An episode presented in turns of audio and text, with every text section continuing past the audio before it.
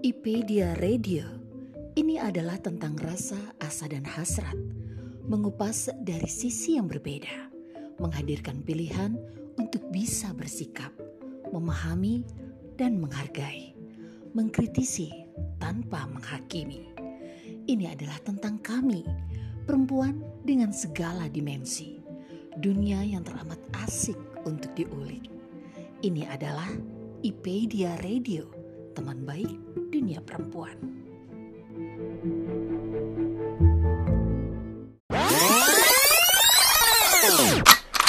Waduh, pertanyaannya ini dalam banget. Ya terakhir itu pas pas dia pasang ventilator nih, itu terakhir. Kalau saya sih suka nulis itu sebenarnya sejak kecil. Uh, saya mau order buat ulang tahun uh, ibunda Bapak Jokowi Februari yang kemarin itu. Itu juga yang dibilang sama ibuku.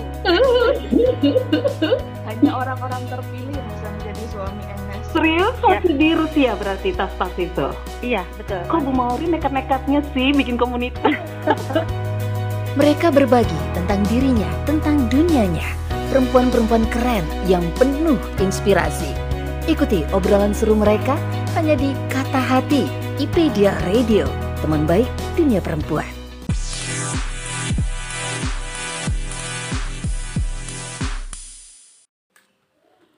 Halo teman baik IPedia Radio. Merdeka adalah bebas melakukan sesuatu atau tidak bergantung kepada orang lain, tidak terjajah atau berdiri sendiri. Namun, apakah anak-anak kita sudah merdeka bermain? Bagaimana konsep merdeka bermain dan prakteknya? Nah, untuk itu saya sudah kedatangan tamu seorang pendidik PAUD berprestasi tingkat Jawa Tengah. Beliau adalah Duyana Pandanwangi.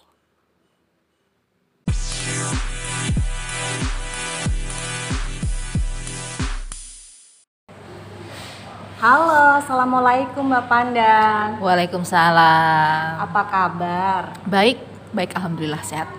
Ya Mbak, ini kita ngomong tentang merdeka bermain nih Mbak. Nah, anak usia dini itu mencakup usia berapa sih? Hmm, gimana ya? Kalau menurut undang-undang itu dari usia 0 sampai kalau di Indonesia itu 6 tahun apa ya? 6 tahun kayaknya. Tapi seharusnya 7 tahun juga masih anak usia dini sih. itu sih gitu rentang rentang usia segitu. Bagaimana karakter anak usia dini nih? Yang secara global ya globally itu bermain mereka. Karakternya karakter yang apa tentu uh, explore suka mengeksplor sesuatu terus uh, penasaran gitu kan. Ya harusnya ceria harusnya gembira itu. Terus intinya ya mereka uh, apa mereka suka bermain itu itulah yang kemudian tercetus konsep merdeka bermain itu ya mbak ya Iya, kembali ke ajaran Ki Hajar Dewantoro tentang hmm. taman siswa yang adalah taman ya, taman bermain. Seperti itu sebenarnya awalnya di situ. Kemudian tercetuslah Merdeka Bermain dari kementerian. Maaf.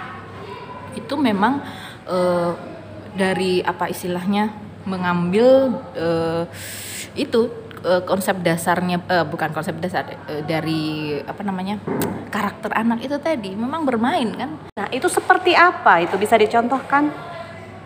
Seperti apa? Ya bermain. Ya bermain yang seperti iya. apa? Nah tentu bermain yang kalau uh, kita lihat ininya di lembaga lembaga PAUD itu tentu bermain yang uh, terstruktur bermain yang apa ada maksudnya dan itu sudah direncanakan oleh gurunya seperti itu. Kalau mereka bermain di rumah oleh orang tuanya harus direncanakan juga walaupun itu mereka bermain. Karena ketika anak-anak bermain, oke, okay, anak-anak mereka bermain ya. Bermain dengan merdeka di rumah tanpa pengawasan, tanpa campur tangan orang tua.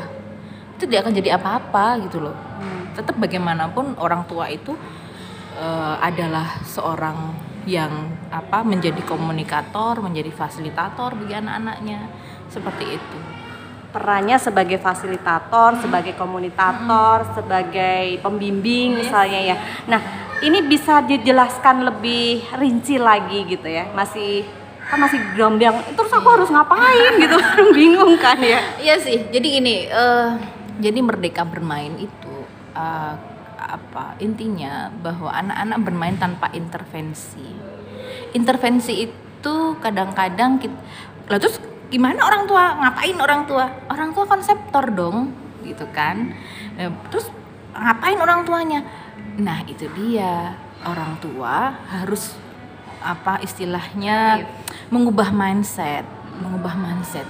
Eh, saya fasilitator, orang tua fasilitator dan komunikator, bukan diktator, ya kan? Bukan pimpinan nih. Eh, Kita di rumah kan jadi orang tua. Eh, jadi ketika orang tua jadi fasilitator, tentu mem- eh, apa mendukung, ya kan, mendengarkan, terus juga penasaran. Nah, kebanyakan orang tua sekarang itu apa ya, mendukung, mendengar dan apa penasarannya itu itu terhalang kan. Karena gadget. Ya semacam itulah. Ya padahal anak-anak perlu itu. Kenapa perlu itu? Itu ada ya kalau di konsep ini tuh eh, apa ya dukung dengar tanya. Jadi di rumah orang tua tetap mendukung. Mendukung dengan apa? Mendukung dengan rasa peduli. Pedulinya dengan bagaimana? Dengan selalu memahami anak memahamkan jika ada yang perlu dipahamkan ya kan? Hadir. Hadir gimana hadir? Ya hadir jiwa dan raga lah ketika uh, bersama anak-anak ya kan? Hadir terus apa namanya?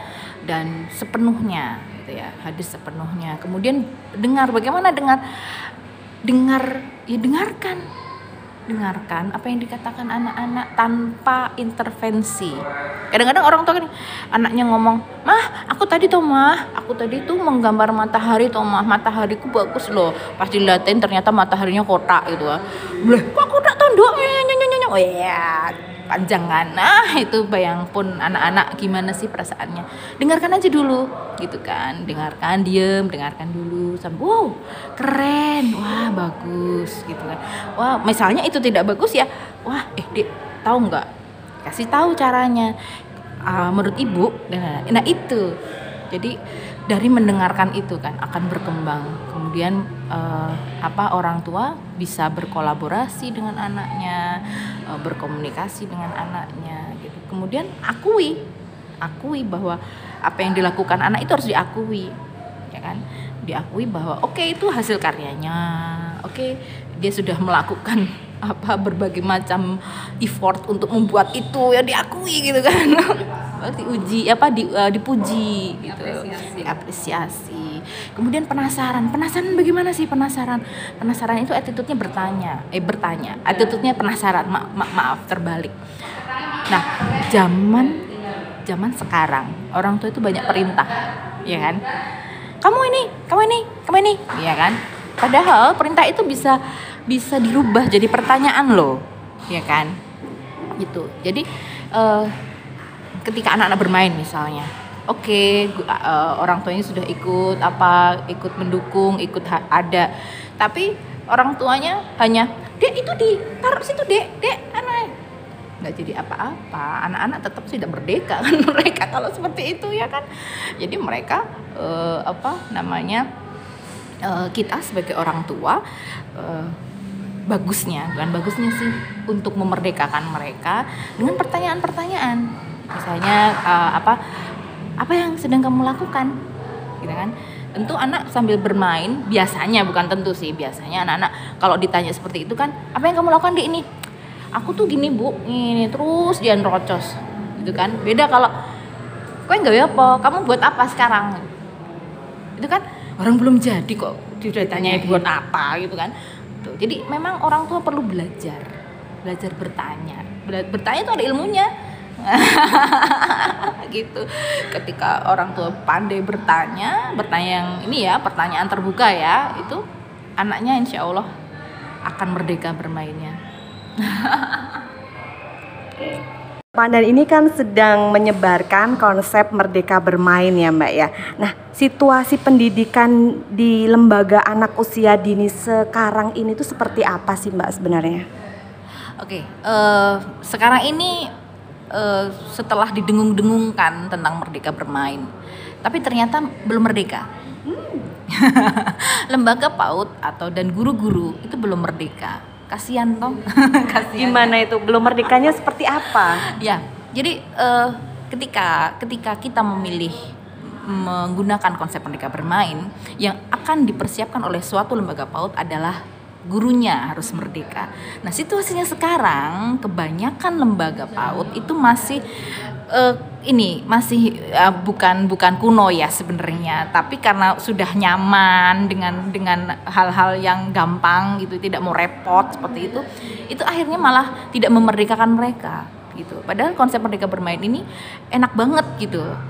Guru itu benar-benar eh, perannya perannya muncul eh, sebagai fasilitator komunikator itu benar-benar di harus diasah memang. Nah, tapi bagi orang-orang yang sudah nyaman ngapain gitu kan? Ngapain aku harus repot-repot me- menyiapkan tetek bengek permainan yang membuat anak-anak mereka bermain?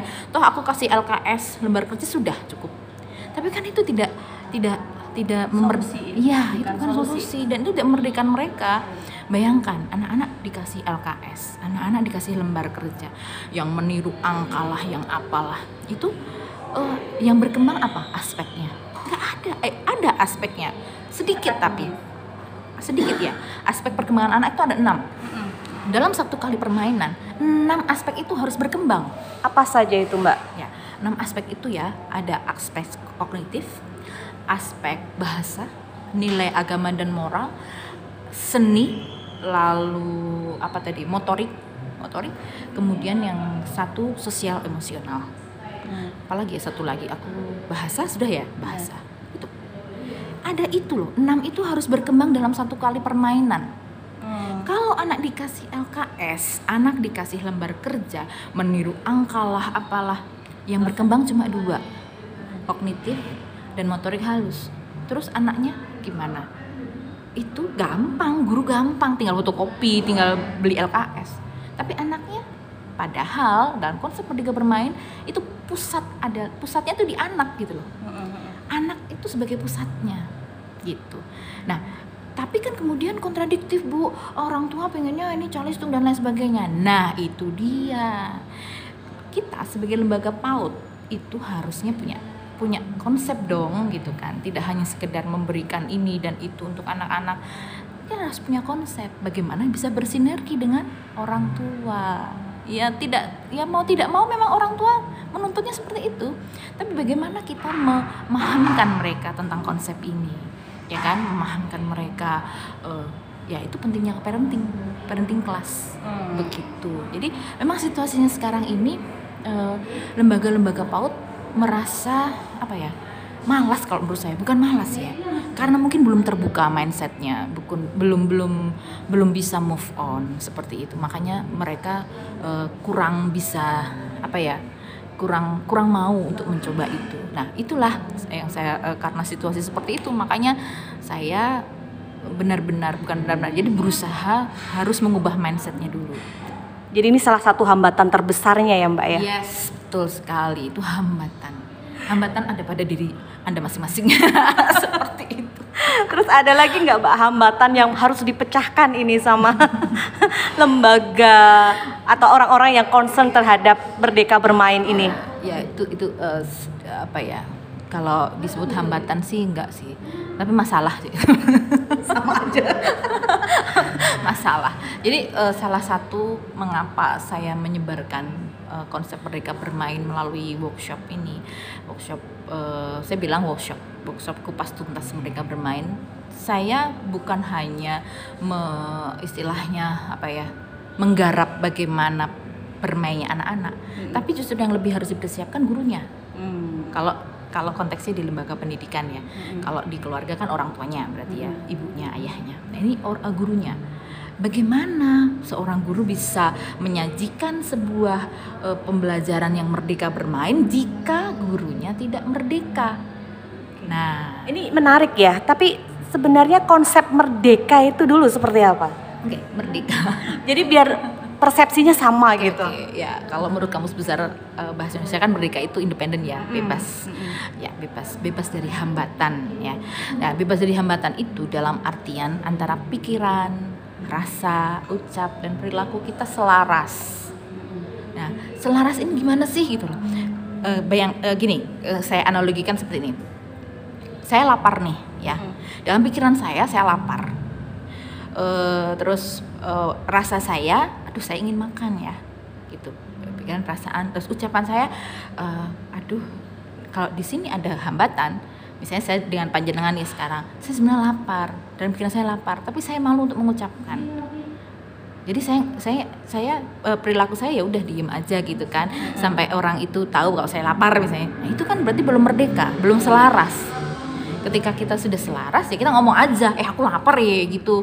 Nah itu analoginya seperti itu. Jadi contoh kecilnya gitu ya. Nah ketika guru nih guru konteksnya guru. Ketika guru itu em, misalnya contoh kasus sekarang ini kan PTM ya. PTM kita tetap harus masuk nih dengan jaga jarak dan lain sebagainya dan bertetek bengek segala rupa peraturan itu. Nah itu bagaimana nih? Oke pikir kita peraturannya harus jaga jarak ya kan? Kita berpikir aduh jaga jarak ini gitu kan. Jaga jarak itu berarti harus eh, jauh gitu kan harus jauh gitu. Itu dalam pikiran kita. Kemudian eh, apa namanya perasaan kita aduh nek jauh terus gimana? Terus anak-anak nggak bisa berinteraksi dong itu perasaan kita. Terus kemudian eh, kita eh, apa istilahnya kita mengucapkan bahwa oh, kita tetap harus mengucapkan bahwa nak jaga jarak. Kita tidak boleh saling ini bersentuhan dulu gitu. Terus perilaku kita ya kita uh, apa namanya me- mendisiplinkan mereka untuk itu untuk untuk apa tetap jaga jarak. Nah, kalau itu sudah selaras, bu peraturan apa pun kita bisa jalan terus. Kita tidak menjadikan peraturan itu menjadi kambing hitam menjadi sesuatu hambatan bagi kita. Banyak guru-guru yang aku nggak merdeka soalnya banyak aturan banyak ini. Enggak nggak bisa gitu. Gitu karena ketika seseorang itu sudah merdeka berarti pikir rasa ucap lakunya itu selaras. Selaras dengan apa saja berarti adaptif terus mau berkembang seperti itu tanpa terus bilang ya tanpa intervensi iya memang tanpa intervensi karena semua dari kita Tapi lebih mudah yang PTM atau waktu apa daring itu sih? semuanya sama-sama tidak mudah Semuanya sama-sama tidak mudah. Tapi ada dong tipsnya gimana sih kemarin ketika daring lama ya. Nah, itu ada sesuatu nggak yang bisa diberikan gitu mungkin? ada dong. Sebagai se- saya gitu loh sebagai guru yang merdeka. Aduh sombong banget. Ya jadi eh, gini saya berani bilang begitu karena eh, apa ya pertama saya tidak mempunyai beban apa pun ya. Walaupun beban apa pun terhadap siapa pun gitu. Saya hanya bertujuan agar anak-anak tetap belajar. Itu saja ya kan?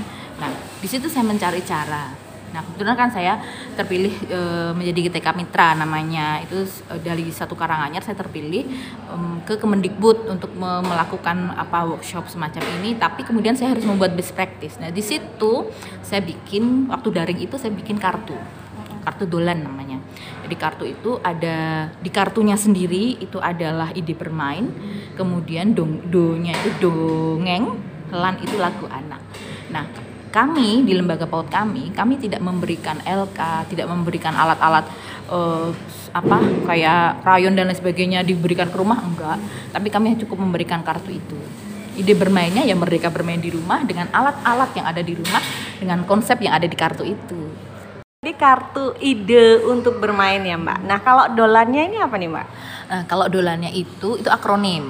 Jadi dongeng dan la lagu anak. Lannya lagu anak. Nah, di sini eh, kartu kartu bermainnya itu sebagai ide bermainnya, sementara dongeng dan lagu anak itu untuk payung materinya, payung temanya. Jadi, setiap guru di tempat kami membuat dongeng yang eh, sesuai dengan materi. Jadi, materi disampaikan dengan dongeng, bukan hanya ini apa, ini apa, itu enggak seperti itu, tapi kami dengan dongeng. Kemudian lagu anak juga eh, yang sesuai dengan tema itu. Jadi kami bikin lagu sendiri nih. Lagu-lagu ciptaan kami banyak. Jadi setiap tema akan ada lagunya seperti itu. Nah, itu nanti orang tua di rumah tinggal eh, apa me- mengakses mengakses di YouTube kami gitu. Jadi tinggal mereka yang mengatur nih untuk untuk melihat YouTube-nya akan seperti apa karena kami pertukaran kartunya di dua minggu sekali gitu. Jadi dua minggu sekali satu minggu, seminggu sekali ada uh, channel YouTube itu ada apa namanya lagu dan dongeng dongeng dan lagu anak itu seperti itu. Nah, sekarang kalau pembelajaran sudah PTM ini apakah masih diterapkan dengan kartu-kartu itu? Iya masih. Jadi uh, selama kalau PTM ini kami uh, ya itu tantangannya kan bagaimana anak-anak masuk tapi tetap harus jaga jarak, tetap harus prokes kan pada anak-anak ya kan. Jadi kan kita yang harus bikin ini ya, bikin semacam strateginya seperti apa. Nah, kartu ini membantu sekali karena uh, apa namanya uh, ini bisa bisa di, diatur di setiap ruangan dengan satu kartu dengan ide bermain satu ide bermain. Ini bentuknya proyek gitu loh bu. Ya mbak. Jadi bentuknya proyek. Terus itu tidak meribetkan kami sebagai uh, apa namanya pendidik gitu. Jadi uh, di tempat kami selama PTM ini anak-anak duduk dengan karpet masing-masing dengan apa alas masing-masing yang adalah rumah mereka. Saya bilangnya gitu ini rumah kamu rumah kamu. Kemudian dengan seperti itu kan mereka tetap berjaga jarak. Nah bermainnya juga karena murid kami sedikit alhamdulillah itu membuat kami lebih enak, lebih fleksibel untuk untuk menata ruangan seperti itu. Jadi mereka tetap berjaga jarak dengan menggunakan ide bermain di kartu itu, seperti itu. Ini ada berapa kartu sih ide bermain itu? Hmm, yang saya buat sudah ada 50 kartu. Wah, banyak sekali ya. Iya. Contohnya seperti apa? Jadi contohnya kayak gini, dari satu kartu itu, satu kartu itu ada tiga bagian yang bagian pertama itu sentranya. Jadi kalau di sekolah sentra kalau di kartu itu saya mengambil satu ruangan di rumah. Jadi misalnya dapur ya. Ini dapur. Terus judulnya tentang apa? Misalnya tentang uh, pilih warna biru gitu. Nanti di situ ide bermainnya apa? Semua itu di itu di, di bagian kedua di ide bermain yang di bagian ketiga itu uh, reward. Uh, hadiahnya apa untuk anak-anak yang sudah melakukan itu? Itu ada sih. Ah. Pokoknya keren deh kartunya. Itu bisa diaplikasikan oleh orang tua juga ya? Iya bisa diaplikasikan oleh orang tua di rumah karena itu bentuknya ide bermain hmm. gitu. Jadi ini semacam aplikasi merdeka bermain di rumah bisa juga ya? Ya ya ya bisa bisa juga seperti itu. Jadi uh, kartu ini bisa memberikan apa ya istilahnya ide-ide ya ide-ide bermain untuk anak-anak bersama orang tuanya apa yang dilakukan orang tua agar bisa merdeka bermain bersama anaknya? Nah, itu dia, Bu. Jadi orang tua sekarang itu ya memang rempong ya. Jadi yang pertama itu waktu. Ya, waktu tuh bener-bener kita harus bayangkan 24 jam loh waktu itu masa sih hanya satu jam atau 30 menit untuk anaknya aja nggak bisa nah 30 menit itu e, sebagai orang tua ya ini kan apa e, siapkan waktu itu nah bisa mengajak langsung. Nak hari ini ibu off loh misalnya bekerja ya. Uh, apa yang akan apa yang uh, bisa kita lakukan hari ini? Libatkan anak. Libatkan anak untuk mau bermain apa ya kan? Ketika dia sudah bu aku ya kita nggak bisa nolak lagi. Bukan nggak bisa nolak ya. Uh, apa ya? Maksudnya ya ikuti. Ikuti aja ikuti alurnya ikuti alurnya. Dia mau apa? Sampai dia bener-bener uh, apa menguas bukan menguasai bener-bener dia apa ya kita kita dan mereka itu bisa melebur gitu melebur ya? gitu kan. Nah itu. Tapi kan kalau kita masih di dalam pikiran kita tidak hadir itu tadi ya susah. Makanya waktu itu penting untuk disiapkan gitu. Apa pun yang kita apa kita siapkan buat anak apa kalau kita waktu dan apa rasa hadir kita peduli kita itu tidak ada kita masih ke mana-mana ya susah itu intinya itu sebenarnya. Jadi kita libatkan anak untuk uh, pertama waktu kemudian kita melibatkan anak untuk uh, mau bermain apa. Tapi kan anak usia dini itu rentang fokusnya juga sebentar ya. Iya, nah bagaimana untuk meraih perhatian anak itu ketika dia sudah teralihkan gitu? Kita tidak perlu menarik perhatian mereka. Mm -hmm. kita yang diri kita ke mereka. Oh, oke okay, oke. Okay. Itu. Mereka tidak mereka akan susah untuk menarik perhatian mereka. Justru kita justru kita yang harus masuk ke mereka. Hmm. Ketika mereka melakukan apa, ini ini di luar mereka main gadget tuh ya. Ketika hmm. mereka bermain melakukan apa, ya kita masuk ke situ. Terlibat di situ. Itu. Nah, ini tipsnya bagaimana? Anak-anak sekarang itu kan ketergantungan dengan gadget gitu ya. Yes, ya betul. Nah, ini bagaimana mereka bisa ber- merdeka bermain? Tapi nanti bilang gini, ber- di gadget ini juga ada permainan loh. Ini merdeka juga. Ya, oke deh. Jadi gini, kalau masalah gadget ini memang agak-agak susah ya. Tinggal eh, kebiasaan di keluarga. Kalau saya, kalau di rumah saya, memang semua orang eh, memegang, memegang HP. Anak saya yang terkecil pun dia suka meminjam HP. Tapi memang kita sebagai orang tua eh, apa namanya adalah pemegang kekuasaan nih di rumah ya kan. Kita kasih frame dulu frame ke mereka ketika mereka mau ambil ga- gadgetnya. Pertama nge-frame waktunya. Kedua nge-frame apa yang dia tonton. Dan ketiga ya waktu itu tadi kita ketika mereka pegang anak ya kita itu bener-bener ini apa em, istilahnya apa ya Eh, akibatnya ya kita harus tidak membiarkan. Ya jangan dibiarkan. Kalau memang kita sudah sepakat waktunya segini ya disepakati itu harus dilaksanakan. Kadang-kadang kan kita molor nih.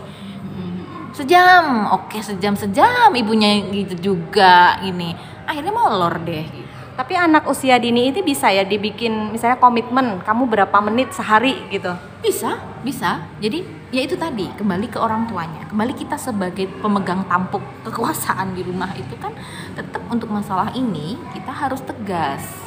Harus tegas. Seperti anak saya. Anak saya juga gitu. Jadi anak saya yang kecil eh, paling kecil itu usia mm, lima tahun. Itu juga dia senang sekali ya ketika bu kalau ibu masak aku main ya main HP ya. Oke framingnya nanti kalau ibu sudah selesai masak berarti kamu sudah selesai melihat HP-nya ya seperti itu. Itu kecil aja jadi nggak perlu sampai jam berapa jam berapa atau kalau misalnya kita lagi dek nanti pukul 10 ya kamu sudah selesai. 10 itu 10.00 oh ya bu. Karena itu sudah biasa jadi dia akan ini. Karena memang kita mengajak mengajak dia di frame di awal itu tadi Jadi intinya merdeka bermain itu bukan membiarkan Yes, sama sekali mereka Iya. untuk bermain, tapi ada eh, kandang-kandang sendiri gitu ya. karena karena mereka juga harus pikir rasa ucap laku mereka harus selaras juga dengan peraturan ya kan dengan apa yang kita eh, sampaikan seperti itu Tadi kan kita sudah ngobrol banyak nih tentang aplikasi Merdeka Bermain, kemudian konsep Merdeka Bermain, kemudian tentang bagaimana orang tua harus berperan di sini gitu ya. Nah, sekarang ukuran keberhasilan Merdeka Bermain itu seperti apa sih? ukurannya. Ukurannya anak-anak itu eh, bebas. Bebas bermain. Jadi ukurannya di sini ya. Anak-anak bisa menghasilkan karya. Karyanya apa saja? Jadi bentuknya apa saja? Terus apa eh, dia bisa mengeks- mengeksplor bahan-bahan yang sudah disediakan itu menjadi eh, sesuatu yang lain sesuatu yang eh, bentuk lain itu jadi dan apa indikasinya? Kalau mereka bermain ini berhasil berarti anak-anak mempunyai pemahaman baru. Pemahaman baru tentang sesuatu hal.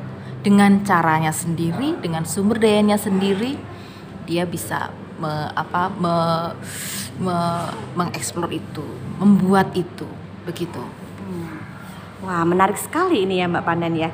Nah, apa sih pesan Mbak Pandan ini untuk para orang tua dan para pendidik di usia dini? Teman baik semuanya. Nanti kalau misalnya ingin melihat atau mencari referensi lagu-lagu anak dongeng dan tentang mereka bermain boleh loh mampir di channel YouTube saya Bunda Pandan. Cari aja di YouTube ya. Oke jangan lupa subscribe. Lihat semuanya. Share kalau itu bermanfaat dan kasih jejak digital di situ. Terima kasih Oke, terima kasih Mbak Pandan. Sekian episode kali ini, semoga bermanfaat. Saya Desi Irawati pamit. Jangan lupa selalu stay tune di Kata Hati IPedia Radio, teman baik dunia perempuan. Terima kasih telah mendengarkan episode kali ini. Tetap stay tune di IPedia Radio, teman baik dunia perempuan.